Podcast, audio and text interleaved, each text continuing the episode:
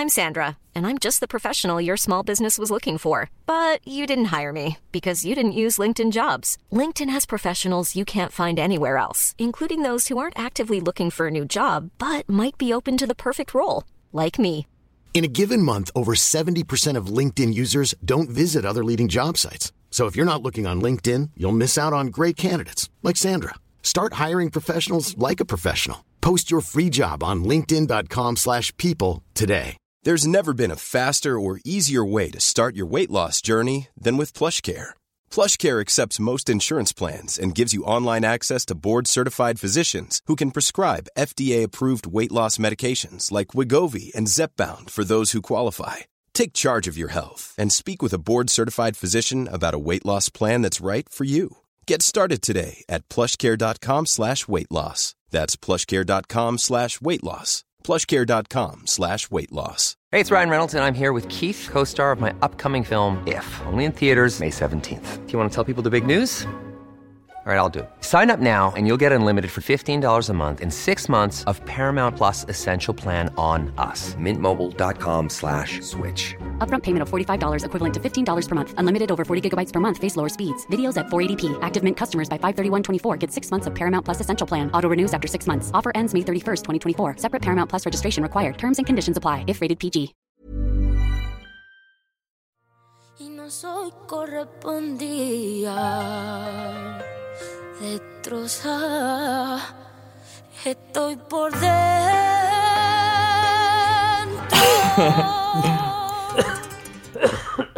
Sorry. Sorry. Ja, fy fan, jag har fortfarande lite hosta kvar alltså. Jag hör det. Det är, är, in- det det är inte fyra dagars krök i Las Vegas utan det är att jag har varit sjuk faktiskt. Men du har haft dålig röst nu i flera månader ju. Ja, jag vet. Läkarna tycker inte att det är någonting att bry sig om. Det är faktiskt så här, om man ska nu vara lite jobbigt konspirationsteoretiskt lagd, så alltså jag är en sån, jag, du vet, jag misshandlar kroppen, eller jag är ju snäll mot den också, men just det här med sömnen, du vet ju själv. Mm. Men jag äter ju väldigt så här, noggrant, jag tränar bra, så det är ju bara, hade jag liksom lyckats med kosten så hade jag ju varit eh, superhuman ju. Men man måste ju alltid ha, man måste ha någon brist liksom, så är det. Ja. Någon blir... Men det du har för mycket bollar i luften. Du får inte sova. Så är det ju. Men trots, trots det så ehm, har jag liksom inte varit sjuk på... Nej men du vet, jag har ju inte varit allvarligt sjuk i mer eller mindre någonsin så. Men du vet, de här influenserna eller att man ligger i feber. Alltså på typ åtta år. Nej. Du vet så här, aldrig, aldrig varit borta från jobb, liksom aldrig haft en sjukdag. Och det, det är inget... Det är liksom, men jag har bara, liksom alltid bara kunnat köra på. Look, up in the sky. It's a bird. It's a plane. It's Superman. Yes, it's Superman. Och sen så då när jag tvingades, tvingades gå Mm. och eh, vaccinera mig för att jag skulle åka till USA. Jag var ju lite så här, nu ska vi inte kliva ut i antivax-territoriumet där, men jag bara kände så här att, jag vet inte, att jag kände att, jag, alltså, jag var helt fin med att jag kommer vaccinera mig, men jag kände en olustig känsla för att göra det. Om man Ja. säger. Mm. Och så gör man det. Och sen så har jag varit liksom sjuk mer eller mindre sen dess. Det är fan hemskt. Alltså det finns ju inget värre än att vara sjuk och Nej. du som har ett sånt hektiskt liv att du liksom jobbar, tränar, flyger, reser, jobbar, jobbar, jobbar. Det, Ja, det är extremt jobbigt för dig som är sjuk då ju. Och du behöver ju din röst hela tiden. Så i detta Ja, precis. fallet så rösten påverkar... och sen så har jag haft så här hosta, eh, haft, du vet jag hade feber, alltså jag hade feber mellan 38 och 39 grader i två veckor. Mm. Men har du kunnat Så här- sova mer nu när du har varit sjuk då kanske? Nej, alltså Det har inte. jo, men lite så utspritt vet jag har ju inte gjort någonting liksom. Nej. Så man har ju, man har ju bara gått och varit helt degig och, ja, jag vet värst, alltså det är ju, man får ju tänka så här, det finns ju de som är allvarligt sjuka och det är ju det värsta som finns. Men för min egna del, att vara så inlåst, inte ha mina rutiner, inte kunna dra iväg på morgonen, kötta ett hårt pass på, på gymmet, du vet, ta en lunch på det och sen köra ett pass till. Det är ju liksom det typ det bästa jag vet. Så man, eh, man Jag är ju det. beroende av de där endorfinerna liksom. Men du, nu, ska vi, nu är det nog snackat om det för du är i Vegas och Du, jag har varit i Vegas. jag har aldrig varit Ja, i Vegas. precis. Men, du, Nej. men du, har du har gjort allt man kan göra i Vegas känns det som. På typ jag ett hade dygn. ett par maxade dygn. Ja, shit Ja. alltså. Men det är en sån stad. Viva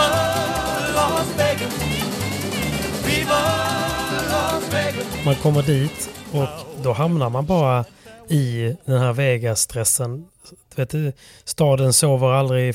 Man är liksom, det är bara fullt pådrag hela tiden. Är, när man kliver ur flygplatsen, det första du möts av, det är inte någon säkerhet eller passkontroll eller någon, någon som öppnar gater.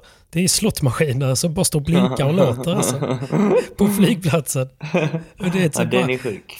Från att du landar så, så finns det en jackpot-lampa som bara blinkar konstant. Så det är därför man inte orkar vara där så länge.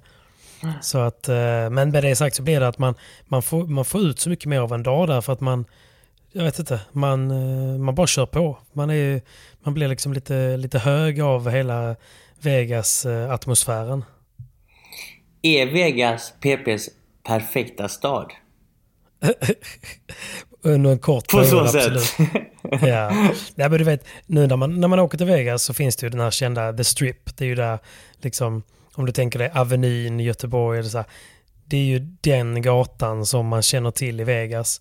Men Vegas är ju, egentligen är ju Vegas allt förutom The Strip.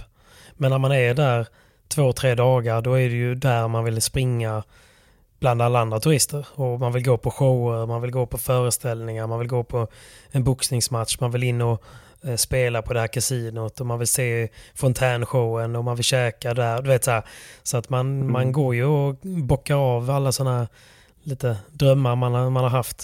Så det har varit fantastiskt och jag måste säga att det finns ju mycket tips men om man då eh, är i Vegas så måste man ju gå på, på föreställningar för de är fan helt otroliga. De är magiska va? Ja, och det, jag menar, gillar man trolleri så finns det de bästa trollerit, liksom showerna. Gillar man musik så finns det liksom Celine och Adele och alltså du vet så här. Och, eh, så jag var ju på den här Cirque du Soleil som har varit i, i alla massa, massa år där liksom. Och det finns ju olika föreställningar med dem.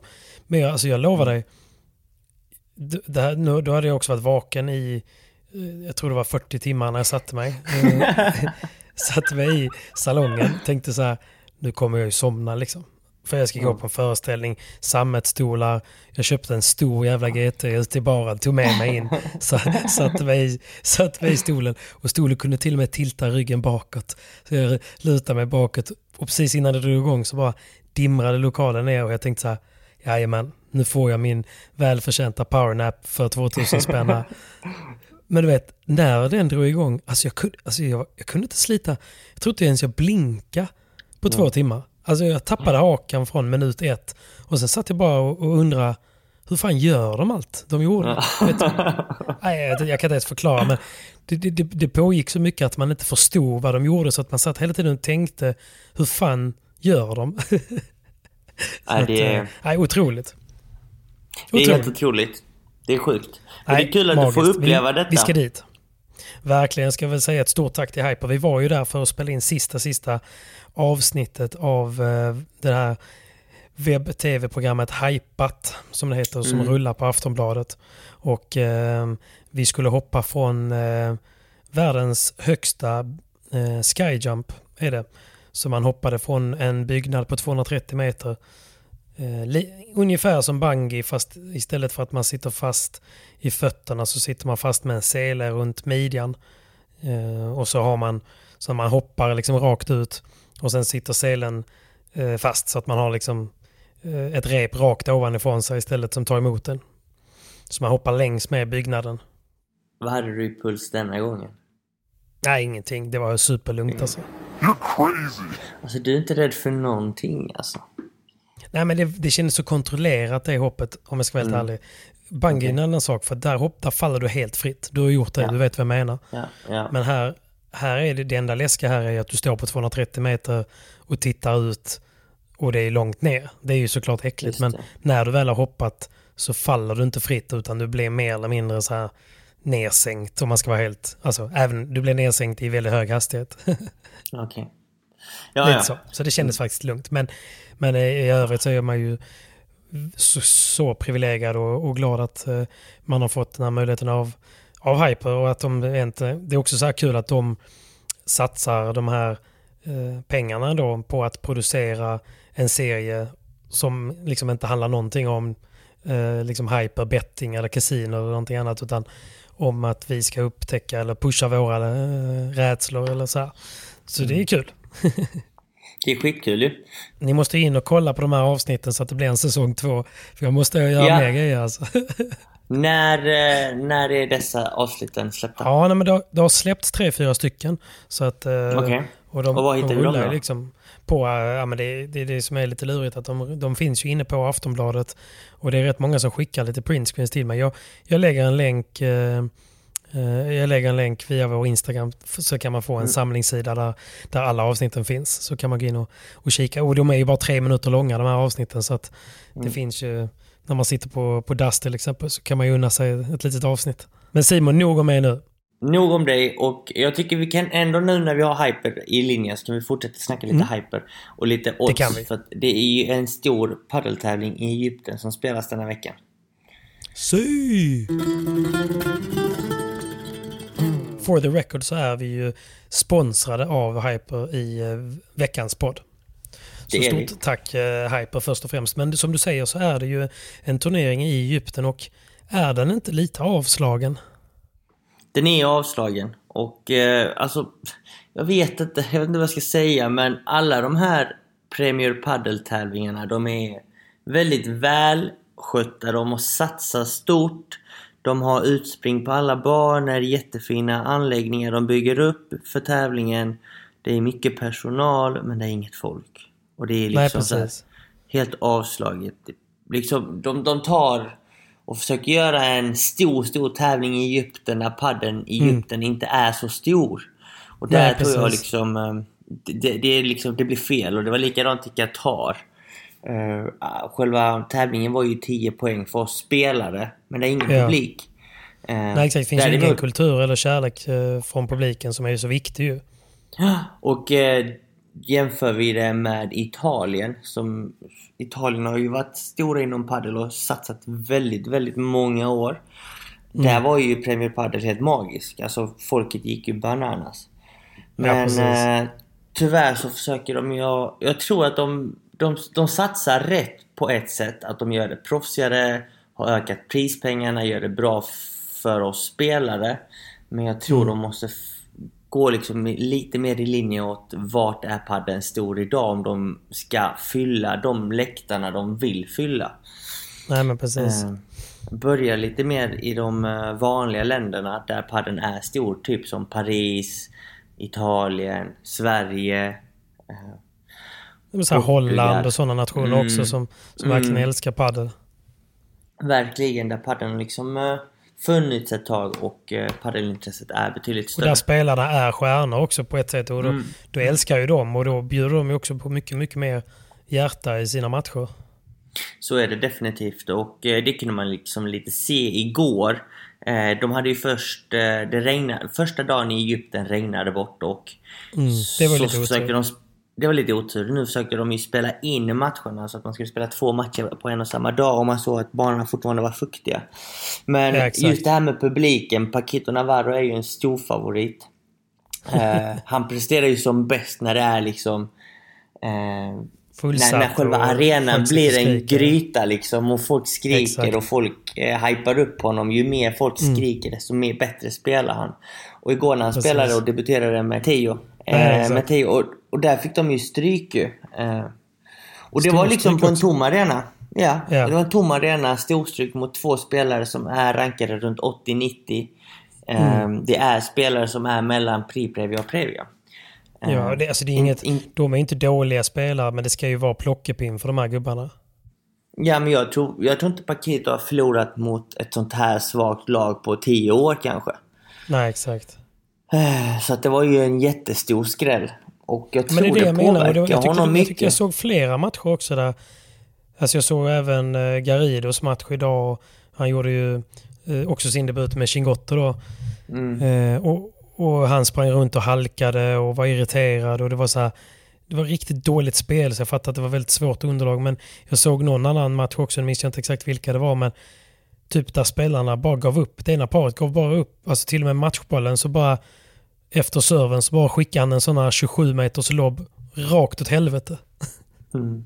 Nej, Bara jag vet inte. Gick fram och skakade hand. Alltså det var som att... Ja. Alltså, hade, hade, jag vet inte, det känns lite som att okej, fuck, fuck den här touren.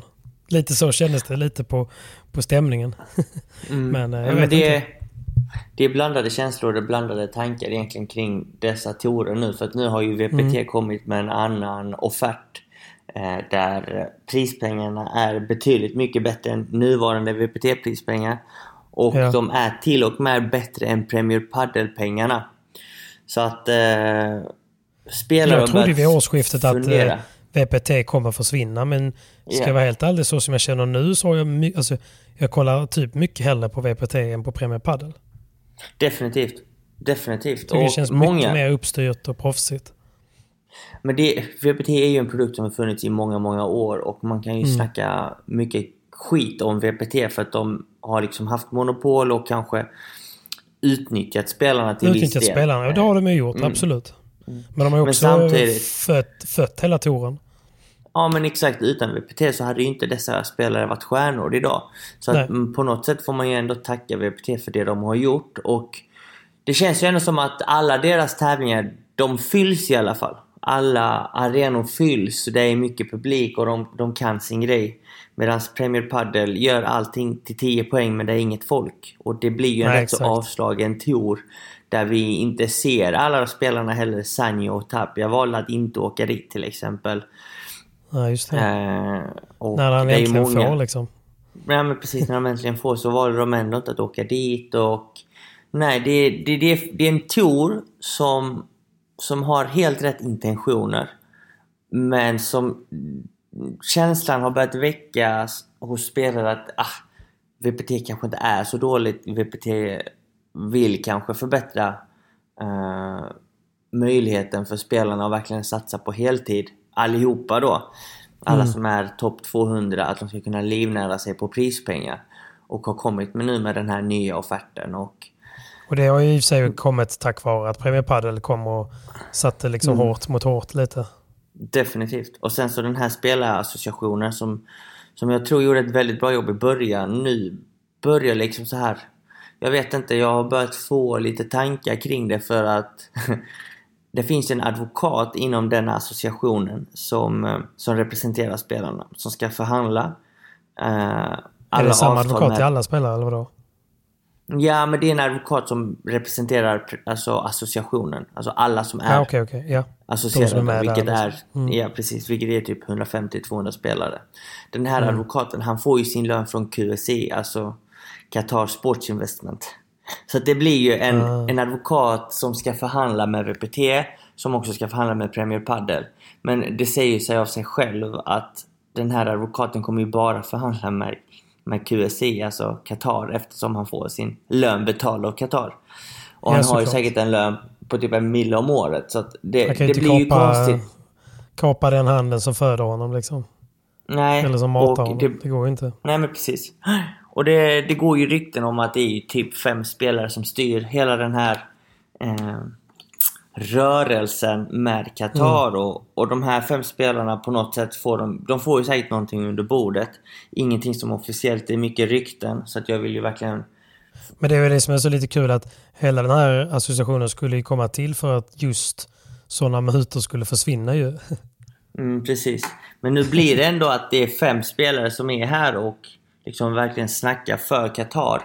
Medan vi andra som är lägre rankade ber ju att, ja men vadå? Nu har VPT kommit med ett förslag, det är klart vi ska förhandla med dem. Men det vill Ja. de ju inte eftersom många spelare har fått, eh, vad kan man säga? De har inte fått en böter men de har blivit hotade av VPT och blir stämda. Så de har ju Mm, en precis. stämningsansökan från VPT men VPT har ju sagt att de drar tillbaka om, om spelarna villiga att förhandla och förlänga sina avtal. Så att nej, det. det. Det, det, är väldigt här konstigt. Det känns som att eh, Premier Padel just nu är i en stadie där spelare kanske åker dit. Kairo, Egypten, okej det kan vara kul att åka dit.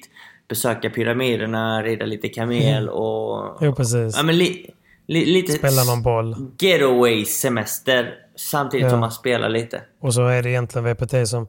För det, jag, vet inte, jag bara trodde att vi skulle kommit längre nu än vad vi har gjort. Liksom. För det var ju vid årsskiftet som, som det var oklart och nu är vi inne i i november här nu och det, är ju, det känns ju fortfarande inte på något sätt som att det finns en tour. Nej. Och jag tror att... Jag, jag tror samma, samma problem som har uppstått tidigare, vad man har hört historiskt sett. Att spelare bara signar för sig själv och ser, ser, ser liksom vad som är det bästa för sig själv. Det kommer hända den här gången också. Den här, det här just med att spela facket, det är egentligen till för att alla skulle gå åt ett och samma håll. Men det känns Mm. inte som att det kommer bli så. Och nu när vi har fått ta fram den här den här offerten så känns det som att det, det, det är spelare som kommer signa på den faktiskt. Säkert, ja, men det kommer alltid vara så. Alltså, pengar kommer alltid styra, särskilt eftersom att det är ändå inom situationstecken så pass lite pengar i sporten. Just, Så- just därför, men också VPT har ju ändå liksom en bra produkt där folk folk kommer till deras eh, tävlingar. De har Mm, alla vet vilka det är. ju. Ja, Precis, alla vet vilka det är inarbetat. också. Vi får se, helt enkelt. Men tillbaka till det vi snackade om, oddsen. Eh, det är många Just det. nya par. Eh, det är svårbettat. Skitsvårt att spela nu. Exakt. det är skitsvårt, framförallt nu i Egypten. Jag tror det är en liten mellantävling där folk, vissa tankar, vissa tar det som semester och, och vissa ger järnet. Men eh, Mm. det är nybildade par. Ehm, och det är inte alla spelare som spelar Premier Padel heller, så att därav blir det ännu fler nya par som spelar på touren. Så att eh, det, det kommer ske en och annan överraskning. Det är många walks, walkovers eh, där, där par inte dyker upp ens. Så att eh, Håll utkik på oddsen, men eh, betta Ja. ansvarsfullt. Det är svårbettat denna vecka. Jo men precis, det kommer skapas lite möjligheter men det kommer också vara svårare att eh, spela på favoriter och annat. Så att, eh, Man ska alltid vara ansvarsfull men nu mer än någonsin tycker jag att man ska spela ansvarsfullt. Men man kan ju alltid kika in på, på oddsen på eh, Hypers app eller via hyper.com. Och sen eh, och spelar man inte nu så kan man ju vänta till eh, nästa VPT när det kommer kanske lite mer stabila. Vi får se lite grann hur det blir nu med de nya paren i ifall det håller i sig eller sådär. Men det, det är också väldigt kul tycker jag när det blir lite rockader för att det blir ju oftast från kvartsfinaler och, och sånt framåt så blir det oftast samma möten. Eh, nu har det ändå Mm. varit lite skrällar redan. Eh, även på VPT. Det är skitkul och jag tror att det, det, det händer ju för att det har varit så mycket tävlingar i år. Spelare Ja. börjar bli trötta, börjar tappa huvudet och, och där kan man ju se också att nu när Paquito spelar forehand, liksom, varför går han över till forehand? Är han så trött på Nej. padden just nu eller liksom, vill han bara hitta Nej, någon men annan, precis, på något annat sätt att hitta motivation? Så att det, det, kommer, det kommer ske skrällar och det är skitkul. Eh, jag tror att eh, ju, ju mer åren går och desto fler tävlingar som kommer, desto fler skrällar kommer det vara. Det kommer inte vara lika Ja. jämnt. Eller det kommer vara mycket jämnare än vad det har varit tidigare. Så att eh, det är skitkul för sporten och jag, eh, jag tror att det är liksom rätt väg att gå också. Att det, du vet padelspelare är inte vana att tävla. Kollar man på hur VPT såg ut för fem år sedan, då var det 12 tävlingar per år. Ja, Nu är vi uppe i månaden, 20 liksom. tävlingar. Ja men precis, nu är vi uppe i 20 eh, tävlingar. Och det är ganska stor skillnad. Eh, de här spelarna som Sanjo som har varit med så länge, Bela och gänget, de är inte vana att spela så många tävlingar per år. Nej, och de Men blir nu inte de yngre in- heller. De blir inte yngre heller. Samtidigt som att alla spelare på touren börjar bli mer professionella och verkligen sköter fysen, kosten, träningen. Så att alla Mm. Precis. spelare blir mycket, mycket bättre och alla vet att oh, nu börjar det komma in pengar i sporten. Alltså i prispengar. Nu jävlar gäller det att vinna och träna för att det Mm. finns någonting att hämta. Innan fanns det inte så mycket att hämta. Eh, Det var bara toppspelarna som hämtade upp de stora sponsoravtalen.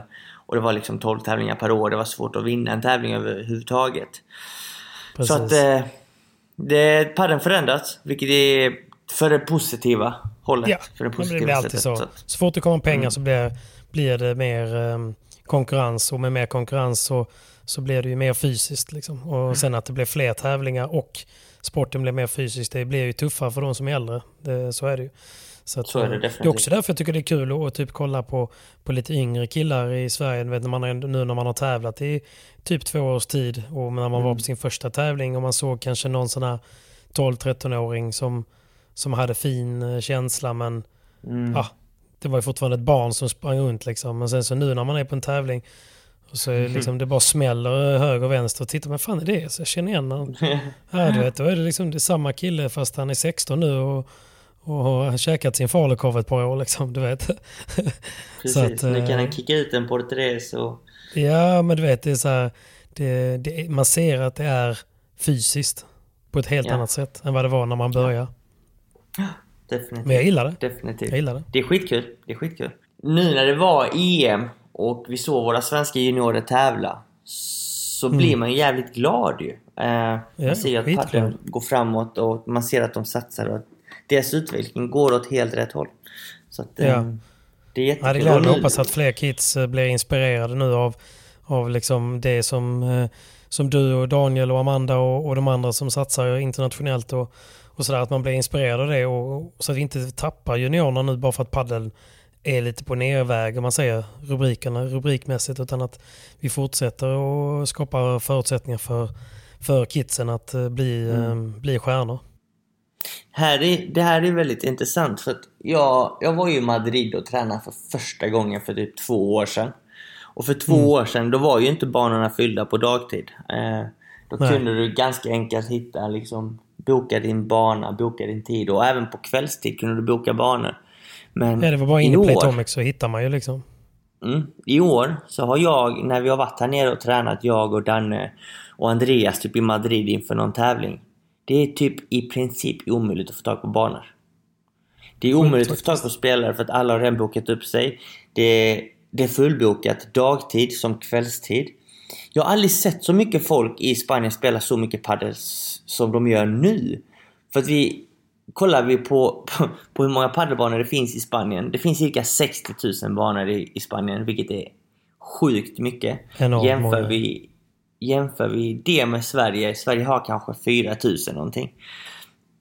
Men, men att, men att det är liksom det vi såg i Sverige för två år sedan när, när alla spelade padel i Sverige typ. Det, det tycker jag man får se i Spanien just nu. Ja, det är så. Det har liksom kommit en Jag ny tycker- våg. Det har kommit en helt ny våg och eh, jag har aldrig sett så mycket folk spela padel som de gör nu i Spanien i alla fall. Eh, man har ju fått se det här i Sverige när eh, alla paddelhallar är liksom fullbelagda och, och alla spelar padel. Men just nu får jag se exakt samma sak fast i Spanien. Så det är sjukt Okej. kul. Paddeln växer eh, även i Spanien. Vilket man inte trodde Mm. att den skulle kunna växa mer. Men den gör faktiskt det. Eh, och eh, det blir jag ju sjukt glad över för att då, då, då får man ju ändå upp hoppet att Sverige kommer vända någon gång. Igen, så att säga. Precis, men det, där tycker jag också igen, för visst är det så att World Padel Tour är gratis att kolla på i Spanien? I Spanien är den det. Ja. Ja, och tänk dig, tänk dig då om vi, om vi nu, ska vi inte jämföra VPT med, med SPT, men just SPT är ju ändå bakom en eh, betalväg, vilket gör att det är liksom max ett par hundra som kollar på de bästa vi har i Sverige när de spelar. Ve- Och vilka är det som kollar då? Jo, det är ju liksom anhöriga och andra spelare. Alltså, Mm. det blir ju inte så, så att det är någon som kan få upp ögonen för sporten eller att det kan bli det är ju det som gör att det kanske blir kids om man då tar lite typ LeBron och Galan liksom som eh, eller liksom verkligen Galan är ju, är ju säkert en, eh, en idol för många kids liksom ser hur han spelar och hur han beter sig på intervjuer och lite Mm. annat. Det är klart att de, Mm. det är klart att man får upp en, eh, ja men fan jag vill också spela padel. Jag vill också bli som han. Precis. Du vet så. Ja. Så den aspekten tror jag är jätteviktig eh, om man nu ska titta in i kulan för vi är ju ändå 10, 15, 20 år efter Spanien. Så det, och historia brukar ju uppleva, upprepa sig. Så är det ju och för 10-15 år sedan, det Sverige går igenom idag, det hände ju i Spanien också. Så att det Sverige går igenom har ju Spanien gått igenom och nu har de ju fått en annan paddelfebervåg liksom där det liksom där alla vill spela paddel. Så att på något sätt har de ju fått det och turnaround i Spanien och jag är helt övertygad om att vi kommer att hitta Mm. Och de har också fått det till en också. naturlig del i sin, i sin kultur. Alltså att Precis. äldre spelar på kvällar och umgås på banan, umgås på klubbar och så vidare. Mm. Precis. Och jag tror det är någonting i det du säger också att det, Mm. ska- det ska inte finnas någon betalväg heller än Nej. förrän eh, vi är en tillräckligt stark sport för att man ska kunna ta betalt. Jag tycker det är bara det här ranked in. Nu måste man ju betala för att Ja, det är se helt sjukt. Man måste betala för sig sin egna ranking. Förutom att man betalar 600 spänn i licens per år. Precis, och betala typ 600 spänn i anmälningsavgift till alla tävlingar. Anmälningsavgift till varje tävling, ja. Exakt. Eh, Så måste man betala för att se sin ranking. Så att det, är... Ja, Veckans skott alltså. ja kanske. Veckans skott. Jag kan ladda min bössa. Du Ja, kan... ladda bössan Göm du dig. Okej. Jag gömmer mig här bakom. För alla tidningar. Simon har gått in i sin bunkern och stängt. Jag går in i mitt vapenskåp. I mitt, eh, I mitt imaginära vapenskåp. Plockar fram en, eh, en hagelbraka med gummikulor. Ingen kommer bli fysiskt skadad. Men jag kommer ladda bössan. Och jag kommer rikta mitt, eh, jag kommer rikta mitt gevär rakt mot eh, Rankedins huvudkontor. Eh, och jag kommer se till att ingen blir skadad. Det kommer jag göra. Men jag kommer, men jag kommer att trycka av ett skott mot RankedIn. Nej, alltså jag tycker det eh, kanske inte är helt rättvist heller. Däremot så tycker jag att, att man som, om jag nu igen ska ge lite kritik till förbundet, eh, vilket ibland kanske låter som att man, man gör, men jag tycker att man som förbund har ett ansvar när man väljer att jobba med Ranked In. Att kolla, okej, för det, jag har ju drivit bolag innan, typ som Ranked In och sådär, jag förstår ju också att mängden användare ökas, vilket gör att de har ett högre tryck på trafik. De har mycket mer data som behöver sparas. De behöver, ut, behöver utveckla mycket mer funktioner, för det här är ett badmintonsystem från början. Det är inget paddelsystem. Så de har ju behövt lägga mer resurser på utveckling, mer resurser på, på servrar och nu vet jag vad elpris och annat idag. Eh, och de har ingen intäktsmodell på, på, på Ranked In i övrigt. Så att för dem handlar det nog om ren överlevnad. Men då måste man ju också, då tycker jag att man som förbund har ett ansvar att dels initialt säga att okej men kommer ni, hur ligger ni till finansiellt bla bla bla. Och sen då när det här blir då får man liksom kanske gå ut från förbundets sida och förklara eller att man tillsammans vi vill jobba med Ranked In men för att det ska funka så behöver de eh, liksom, då behöver de investera i plattformen och för att kunna göra det så behöver vi ta betalt för vissa funktioner eh, eller något. Och så får man paketera det på rätt sätt. Nu blir det bara, nu känns det bara som att jaha vadå, så nu vi, måste vi använda Ranked In och så nu ska ni ta betalt för att vi ska kunna använda det. Så blir man bara irriterad. Ja, jag vet inte riktigt hur det där funkar egentligen. Men eh, min enda åsikt är att rankingen, för att se, kunna se rankingen så ska det vara gratis tycker jag. I alla fall. Ja, såklart. Och Alltså, Eller enkelt. Jag tycker, det ska, jag tycker liksom så här, Ja. det ska vara enkelt att hitta tävlingarna man söker. Det ska vara enkelt att anmäla sig till tävlingarna man vill anmäla sig till. Och jag tycker att det ska vara gratis och enkelt att se en ranking. Ehm, Mm. Mer än så har jag inte, jag har inte mer att säga. Men just Nej. inget av det där funkar tycker jag. med ranking. There's never been a faster or easier way to start your weight loss journey than with PlushCare. PlushCare accepts most insurance plans and gives you online access to board-certified physicians who can prescribe FDA-approved weight loss medications like Wigovi and Zepbound for those who qualify. Take charge of your health and speak with a board-certified physician about a weight loss plan that's right for you. Get started today at plushcare.com slash weight loss. That's plushcare.com slash weight loss. plushcare.com slash weight loss. Ever catch yourself eating the same flavorless dinner three days in a row? Dreaming of something better? Well, HelloFresh is your guilt-free dream come true, baby. It's me, Kiki Palmer. Let's wake up those taste buds with hot, juicy pecan-crusted chicken or garlic butter shrimp scampi. Mm. Hello Fresh. Stop dreaming of all the delicious possibilities and dig in at HelloFresh.com. Let's get this dinner party started.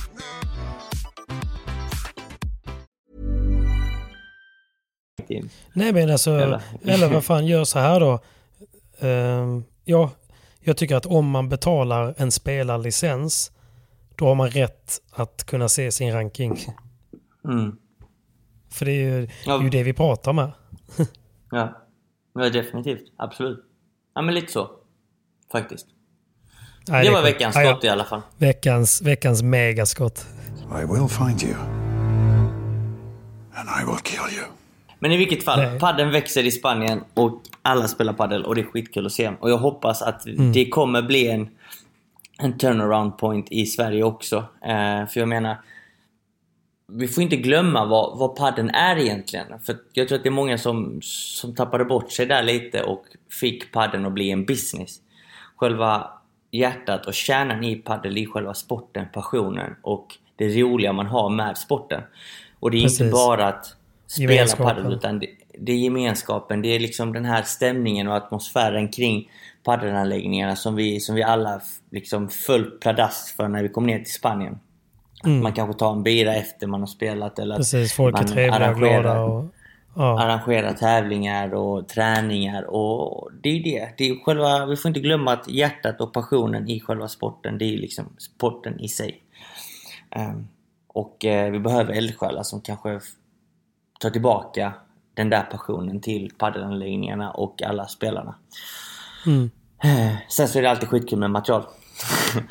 till Ja, ja. racketar och hela den biten. Men, Men det, är, eh, det, är men vi- det spelar ju ingen roll. Alltså, det kvittar ju vilken idrott. Eller så, eh, det finns ju, jag menar, håller man på med gym så köper man ju nya gymoutfits. Håller man på med, alltså, material är ju Mm. sånt som får en att, att behålla, mot, alltså få motivation. Mm. För motivation har man ju inte alltid.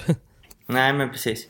Och jag tror att ett av de stora dilemman egentligen som har varit här nu de senaste åren, det var ju egentligen att padden blivit så bra business att alla, alla de som satt inne på bra anläggningar och hyr ut fastigheten till de som driver klubben, de insåg ju att shit, här finns det liksom de gör ju stora degar. Vi måste, precis. vi måste eh, höja hyrorna. Och kollar man på en hyra på en vanlig lagerlokal så är den kanske, bara för att leka med tanken, eh, vet inte, 600 spänn kvadratmetern. Medan någon aktör, när, när de begär liksom ansökan om att hyra lokalen för paddelverksamhet så kanske hyresvärden hyr ut den för eh, 1200 spänn kvadratmetern vilket är kanske dubbelt upp. Och till slut blir det ju orimliga priser. Och Ja, där- det, går, det, där är inte liksom- försvarbart liksom. Nej, precis. Nej, det där, det där, där har vi liksom det, den stora boven tror jag i det hela. Så förhoppningsvis så kan hyresvärdar liksom sänka hyrorna till vanliga lagerlokalpriser. Där kvadratmeterpriset är liksom typ hälften så mycket. Ja, och Men, nu är eh, det inte ens bara hyra vi pratar om. Alltså, nu vet jag ju, alltså, jag har en polare, han drev en anläggning i en liten, liten håla i, i Skåne. Mm. Och vi snackar liksom fem, sex banor. Han hade en elräkning på liksom över 100 000 på en månad. Ja, det är helt orimligt. Alltså fattar du? orimligt. 100 000 Och alla på en månad. Precis, och räntorna idag också, det är inte de snällaste heller. Så att det, det är Nej, liksom så att det, det är kämpigt. räntan. Eh, Men alltså, det... Jag, jag, Men vi, det vi som utövar sporten, vi kan ju bara liksom bidra på det bästa möjliga sättet och det är genom Såklart. att spela padel. så att eh, ju mer vi spelar desto mer hjälper vi ändå paddel, eh, paddelägarna och de som driver paddelanläggningar runt om i Sverige. Så att spela padel för sportens skull så att, eh, så att vi kan överleva, så att så många hallar kan överleva denna krisen. Ja. Sen är jag helt övertygad om att det kommer byggas fler och fler hallar sen i framtiden också. För Ja, att- absolut. så- kommer komma kommer lite ju- proffsiga akademier och Mm. bra upplägg och sådär. Men nu behöver vi ju vi behöver stänga ner och få bort eh, alla de här eh, lyckosökarna som bara ska Mm. öppna hallar utan att, utan att faktiskt gilla paddel. Så de, eh, de ska väck. Och eh, för att avsluta hype där innan, vi påminner igen om att spela ansvarsfullt. Man måste vara 18 år och man kan besöka stödlinjen.se om man har eh, Mm. behov av det. Så en liten reminder. Kul med paddelfeber. Kul med I- paddelfeber i i Spanien, det är ändå Mm. positivt. Det är ändå Det är positivt. positivt. Så det tar vi med oss. Men du, eh, VPT Malmö, blir det ingenting för dig eller? Förutom kvalet såklart. Men Eh, ja. Inget wildcard för mig denna gången. Så att eh, jag, jag och min partner Ignacio Piotr kommer att spela Malmö, men vi kommer kvala. Mm. Det kommer vi. Och det kvalet, är det också i Malmö eller är det Skurup eller vad brukar det vara? Det är, det är i Skurup, precis som förra Ja. året. Um, Precis. Pre-Previan och Previan går i Skurup. Slutspelet Malmö Arena. Häftigt ju. Men hur, eh, hur, eh, hur tog du att inte få wildcardet då? Eh, det var väl lite blandat. Eh, Ja. Jag hade ju inte tagit det för givet, absolut inte. Eh, Nej, det kan man aldrig göra. Nej, eh, men samtidigt, vi, vi är få spelare som liksom kämpar och krigar på denna touren och Mm. har gjort det några år. Så att det jag var mest förvånad över var ju argumentationen till varför inte jag fick den. Den vill jag inte Mm. gå in på här nu, men okej. den var ju ganska den var ganska pinsam. Uh, sen ingenting mot att Albin inte förtjänar. Han gör ju ett lika hårt jobb som många andra i Sverige. Och han är Mm. ung och har ju framtiden framför sig men... Men nej, eh, det, det var jag, jag tog det på... Alltså, det blir ju mer att, okej, fine. Eh, jag får inte den denna gången men eh, jag Nej. får ju liksom lite eld, eh, eld i stjärten. Precis, och blev- liksom, men du blev liksom lite tänd typ. Du blev inte, det var inte så att du blev ledsen. Nej, jag blev inte ledsen utan snarare motsatsen. Jävligt tänd. Oerhört Ja. tänd. Eh, Okej, ska, ska de och- sluta tro på mig så ska jag visa dem liksom. Typ så. Ja, men li- lite så. Ehm, och du vet den hunger man har för att lyckas, den ökade Mm. bara. Så att jag tror det kan, eh, det kan bara vara positivt kanske. Ehm, För jag tror, och, alltså eh, jag, tror, jag tror det inte är så lätt för många att förstå alltså, eh, den psykologiska delen, hur tufft det är för dig. Alltså jag som är lite utifrån men ändå bra polare med det. Du är ändå, du är ju iväg hela tiden. Och Mm. ibland åker man ju på en tävling så kanske man lägger, om man säger att man lägger 12-13 tusen på att bara ta sig dit. Man får spela två Mm. matcher, man gör en dålig match, man fick lite otur, olika förutsättningar. Med, man själv var inte så bra den Mm. dagen, partnern var inte så bra. Ah, ja, Mm. det är bara att träna vidare. Åker man till någon akademi mitt ute ingenstans, man känner ingen, man är långt hemifrån, man har ingen att umgås med utanför. Man gör sina Nej. träningspass, åker till, en träning, åker till en tävling. Och det är lätt att typ så här romantisera att vara proffs och, och satsa och så vidare. Men alltså det är inte alltid att, man, att resultaten, att betalningen kommer eh, som i vanliga jobb. Liksom att man, Nej. man jobbar hårt i 30 dagar, sen kommer det en liten betalning. Sen jobbar man hårt i 30 dagar och sen kommer en liten betalning. Funkar ju inte riktigt så i idrott. Det är ju inte rättvist på något sätt. Så att Nej, det, och- alltså, det är lätt att bara så här, alltså om jag tänker i din sits, du har ändå, du har ändå varit där länge nu. Du har, du har satsat mycket pengar, tid och offrat väldigt mycket annat. Så att, att det liksom väldigt, för väldigt många så kanske, tror jag då, hade bara känt så här, nej men fuck detta, jag åker hem och eh, är, är bäst i Sverige istället. Mm.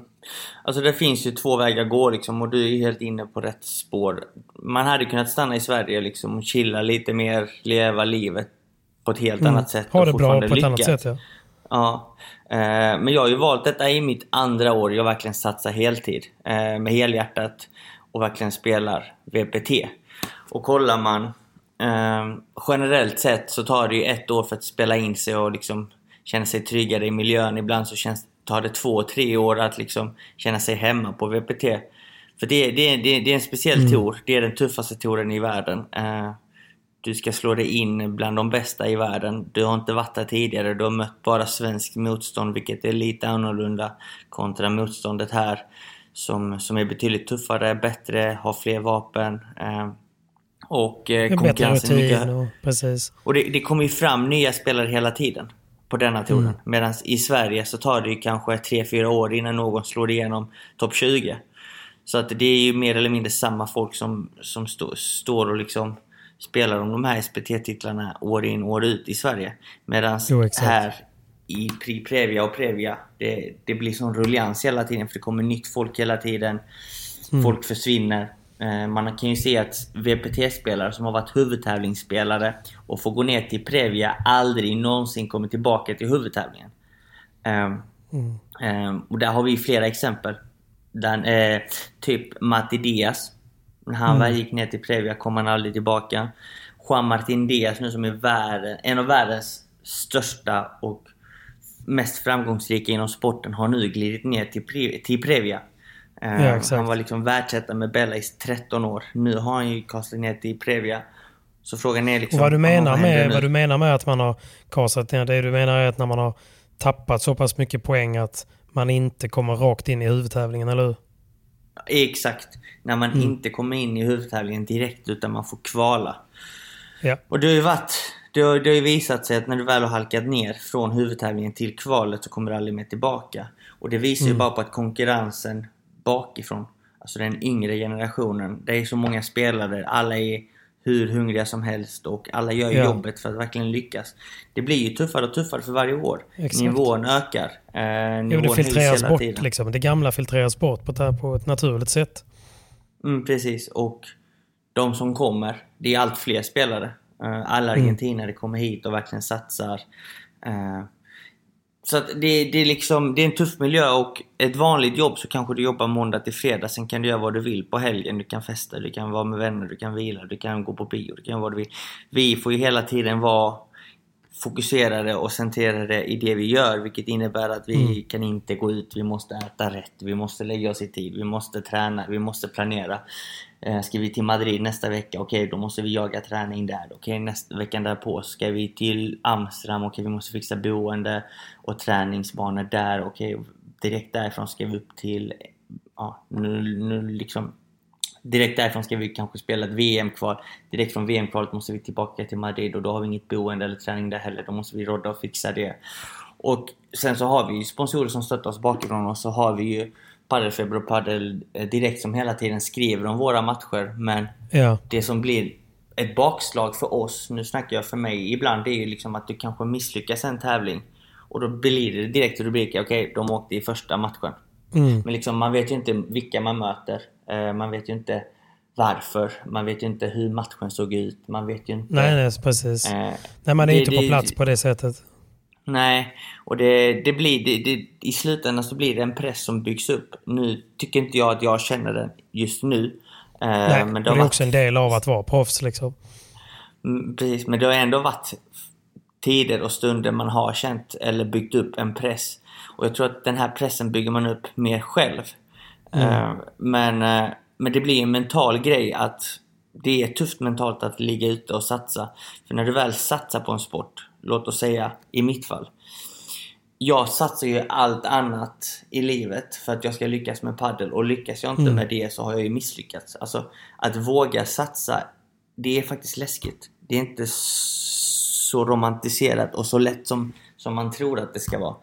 Eh, jag Nej, vet ju exakt. själv var jag började. När jag bodde i Stockholm och tog tjänstledigt från, eh, från jobbet Mäkleriet. som, som, som mäklare.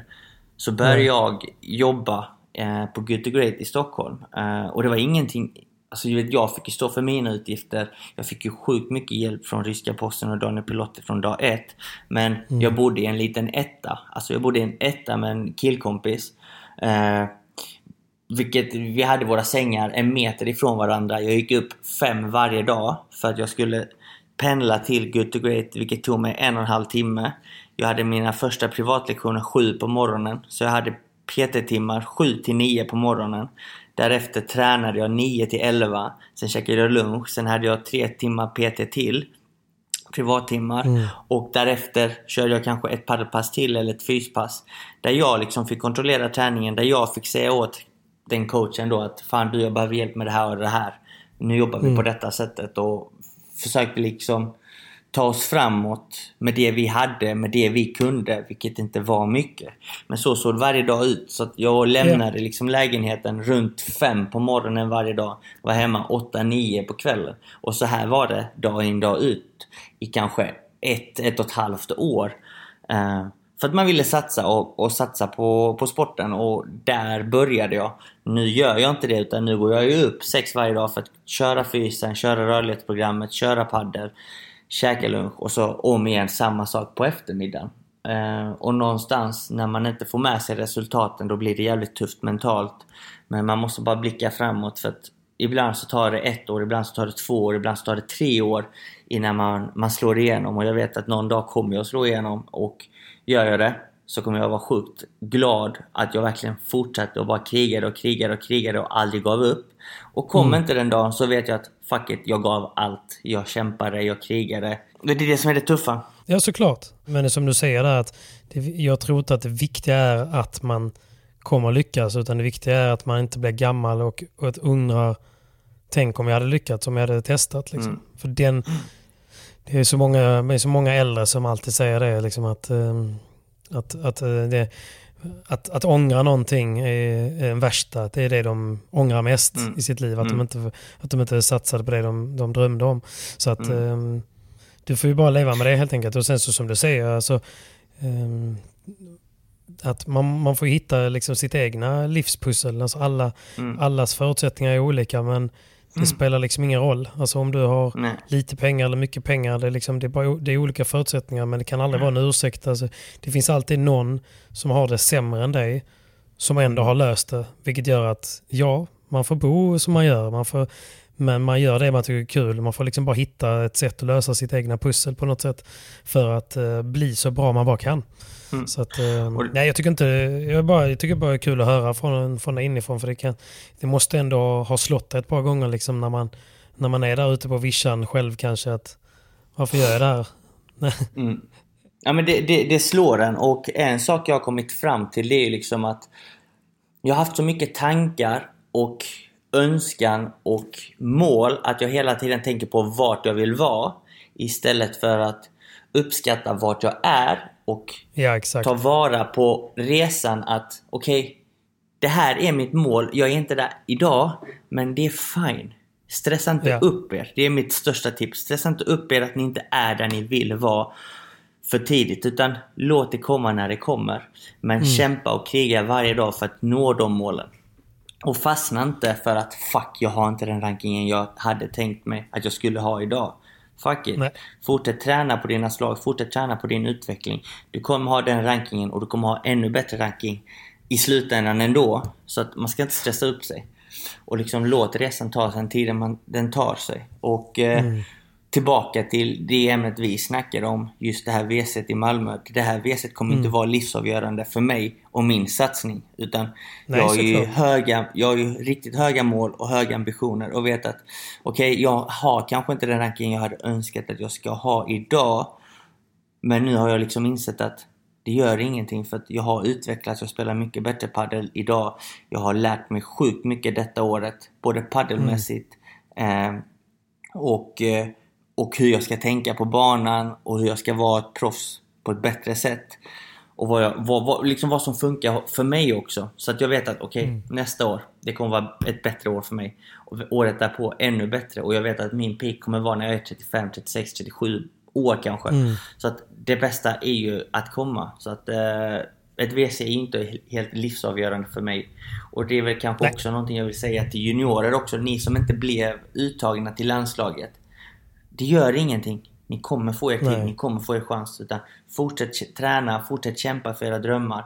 För att en vacker dag när ni väl är där så kommer ni uppskatta det ännu mer. Och det kommer komma.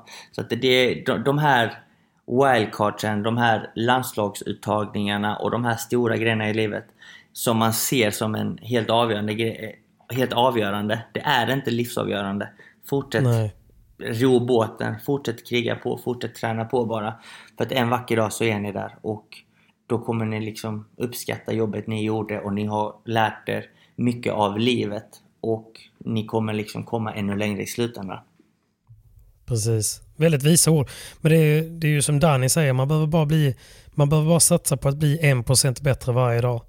Och sen det absolut, det absolut viktigaste man kan ha är ju disciplin. Och har man, mm. har man bra rutiner, alltså om man, mm. är, om man är väldigt, väldigt hård och noga mot sig själv så att man inte liksom är dum mot sig själv. För någonstans, alltså, vet du, med rutiner och disciplin sitter i från allt möjligt. Typ att om jag säger att jag ska gå upp klockan sju och sen så när klockan mm. ringer sju så snosar jag till kvart i åtta för det är lugnt, det är min egna tid. Då har man liksom ändå börjat direkt med att bryta ett löfte mot sig själv lite och då tappar man den här disciplinen, man tappar um, det som faktiskt rutinen som gör att man ser att man varje dag gör saker så att man blir en procent bättre.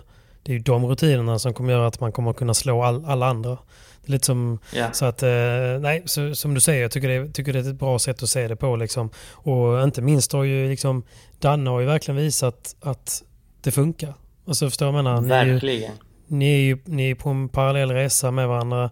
Ni tränar mycket ihop. Så att, liksom att Danne har lyckats redan nu, det är ju, det är ju svinbra. För det innebär ju att, att ni, ni, gör ju något rätt liksom. Och han visar ju bara för mig och alla andra att det faktiskt går. Så att ja, jag minns ju själv i början av detta året så, så gick vi båda till Previa-final. Men under tidens mm. gång när vi gick till Previa-final, vi bara Fuck, vi vann match till. Och så kollade vi på varandra och vi bara, det är helt sjukt. Du vann också. Jag vann ja. också. Fan, vi kan det här ju. Ja, så det är liksom... Danne spelar sjukt bra paddel och mogen paddel och verkligen liksom hittat en bra partner. Där han... För jag tror att Danne spelar som bäst när han får ta lite mer ansvar och det är det han får göra mm. nu med sin nuvarande partner Solano.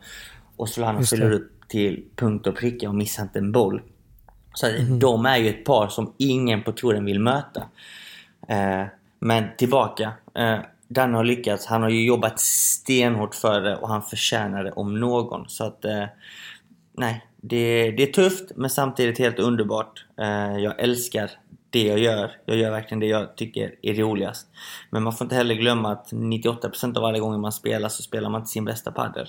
Men de Nej, där precis. 2 procenten när man spelar sin drömpadel, det är allt jobb och allt slit. Det är, när man väl spelar så bra, då, då tänker man det är värt det, det är värt det och resan är Exakt. lång. Så till, i slutändan så kommer man ändå nog vara nöjd med jobbet. Så länge man, man gör sitt bästa, så länge man gör allt i sin makt för Mm. att verkligen nå sina mål så, så, så tycker jag att man har lyckats. Håller med, håller med helt och det är ett bra budskap. Men eh, för att återgå till wildcardet där. Jag själv reagerade ju såklart lite så här. Först så kom ju nyheten att, att Albin... Och då blev det så här. Det fanns två sidor av det. Mitt ena var så här. Mitt, det var så här. Fan vad kul för Albin. Alltså genuint. Alltså, jag, jag, jag tycker om honom jättemycket. Och han är grym och han kommer att bli jätte, jättebra. Och jag tycker det är också viktigt att, att yngre får en chans att gå in i Mm. en sån här stor scen. Och eh, liksom ganska självklart att inte det kanske kommer att bli succé, men det är ju inte meningen utan att han går in dit för att få liksom lite temperatur och bli lite varm i, den, i de skorna och sen så kommer han växa ytterligare. Och så liksom, Mm. Det är så man, det är så man, man gör. Men, ehm, men sen, sen börjar man ju börja tänka lite så här på, an, alltså, på andra sidan spektrat. Var lite så här, Alltså, och noll kritik mot Albin. Alltså, som sagt, jag tycker Albin är fantastisk och grym och han är ju på sin resa och jag vet att den kommer gå långt. Men sen så börjar jag tänka så här, men egentligen, liksom, han, om jag börjar titta på det kritiskt, så har han ju gjort en riktigt bra tävling i år. Eh, tillsammans med Hjalmarsson när de slog Kaje och Gaspar, vilket är såklart jättebra. Eh, men det är en match, alltså man kan liksom, alltså, du ska, alltså förstå vad jag menar, det är en match, de vinner den och sen torskar de finalen. Eh, tvåa på en SPT. Och det är ju såklart en bra bedrift men det är fortfarande en bra turnering.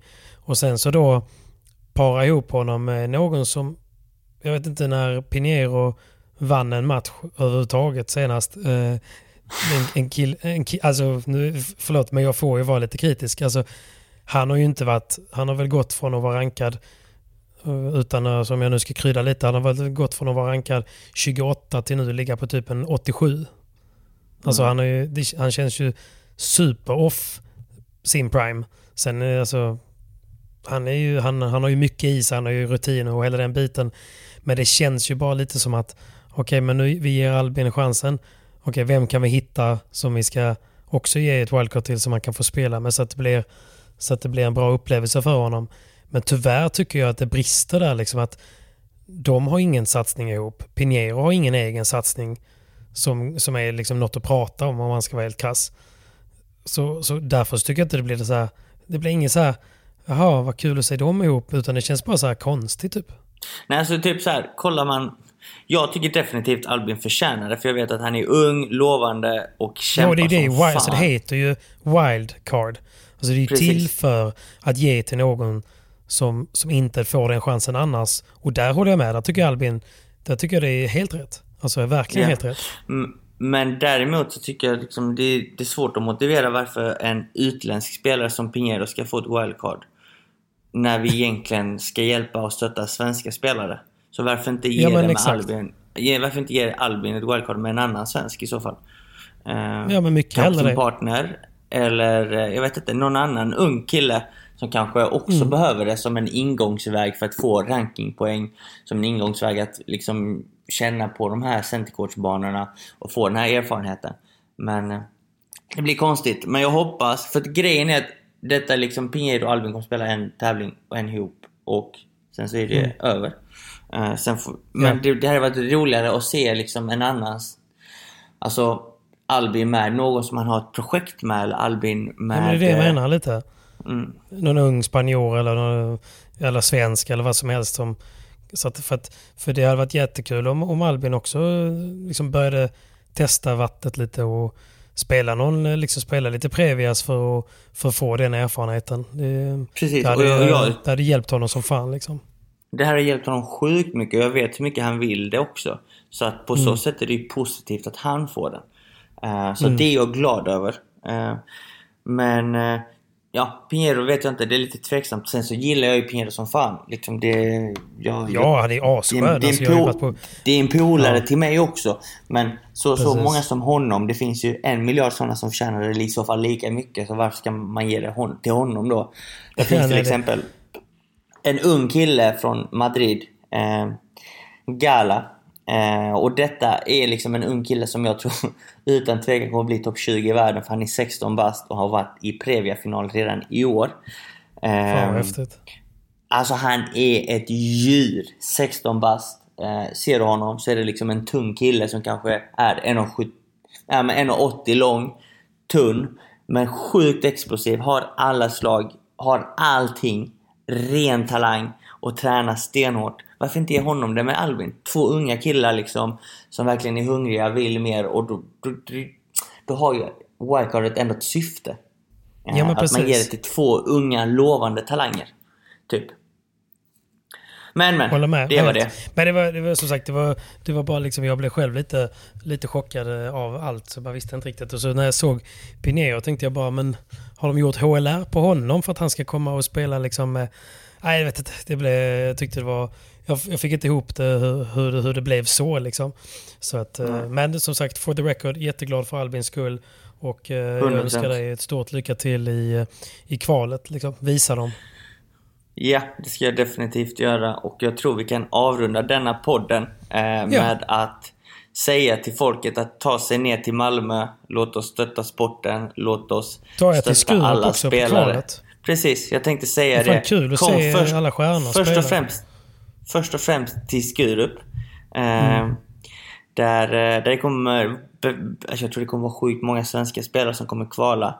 Så att Mm. det är positivt. Kom dit och kolla på våra, våra svenska kvalspelare. Eh, kom och kolla Det på drar även igång på söndagen huvudtävlingen. eller? När är det det börjar? Är det lördag redan va? Ja, söndag. Femte. Söndag, näst, söndag nästa vecka. Då Den börjar sjätte då? kvalet. Ja, Mm. i Skurup. Så att, eh, ta er ner. Eh, vi kommer... Eh, vi kan väl ge lite info till alla följare när pre-previan börjar och när previan börjar Mm. och när huvudtävlingen börjar i Malmö. Så ses vi där allesammans. Och Patrik, det var sjukt kul att få snacka lite mer med dig. Det var länge Ja. sedan. Vi utlovar att... mina resor är på väg till att ta ett slut så att då kommer vi tillbaka till våra poddrutiner igen och det ser vi verkligen fram emot. Ja, och varför min röst är lite konstig det är för att min mick har gått sönder så jag spelar in från Just det. datorn. Så jag hoppas att det funkar och att det uppskattas ändå. Ja. Vi tänkte Ja, att det är vi- bättre att släppa ett avsnitt än att inte släppa något alls. Faktiskt, faktiskt. Vi, eh, vi är hungriga på att eh, dra igång ordentligt och eh, Simon, på söndag här nu så är det ju dags att ta in utemöblerna och vi vrider tillbaka klockan en timme. Så en hälsning till er alla där hemma nu att vara rädda om er. Ta ett D-vitamin och om det blir så att ni inte klarar av den svenska vintern så gå in på paddelresorspanien.se och boka din nästa resa till Spanien. För det, det, det, är, få, det, är, det är få saker som, som är så gött som att ta sig ner till sol, solkusten och, och spela lite paddel och njuta av livet. Vi avslutar där va? Vi avslutar där gubben. Tack ska ni ha för att ni har lyssnat. Vi hörs nästa vecka. Puss! Puss, hej! Un cigarrillo me acompaña al abismo. Igual que tú, no tengo suerte en el amor. A ciegas te quita poder. Pone en riesgo al corazón, dañando sentimientos. Un lunes se marchó a las 6 y 24. Yo dormida de mí no se despidió. Y hoy derramo cada lágrima en tu pecho. No eres él, pero quiero un beso. Te incito a aliviarnos las penas y curarnos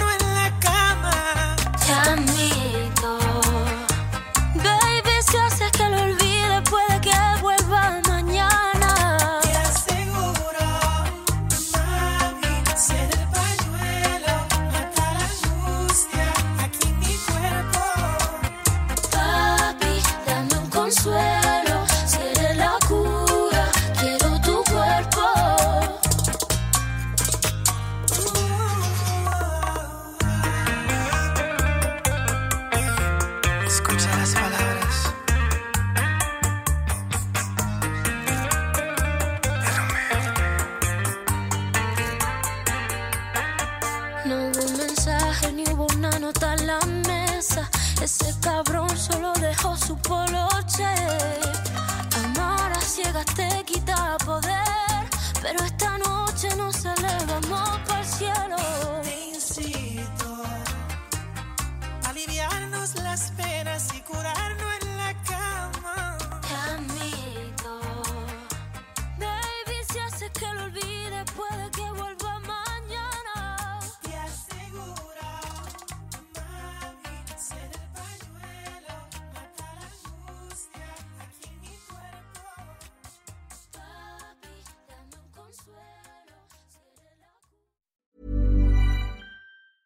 Ever catch yourself eating the same flavorless dinner three days in a row?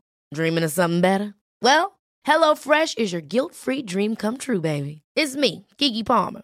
Let's wake up those taste buds with hot, juicy pecan-crusted chicken or garlic butter shrimp scampi. Mm. Hello Fresh. Stop dreaming of all the delicious possibilities and dig in at HelloFresh.com. Let's get this dinner party started.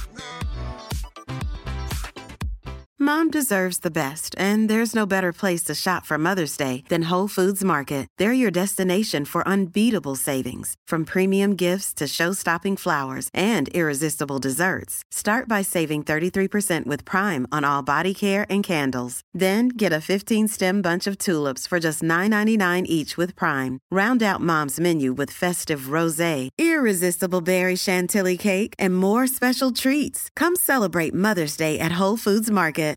Hey, it's Paige DeSorbo from Giggly Squad. High quality fashion without the price tag. Say hello to Quince.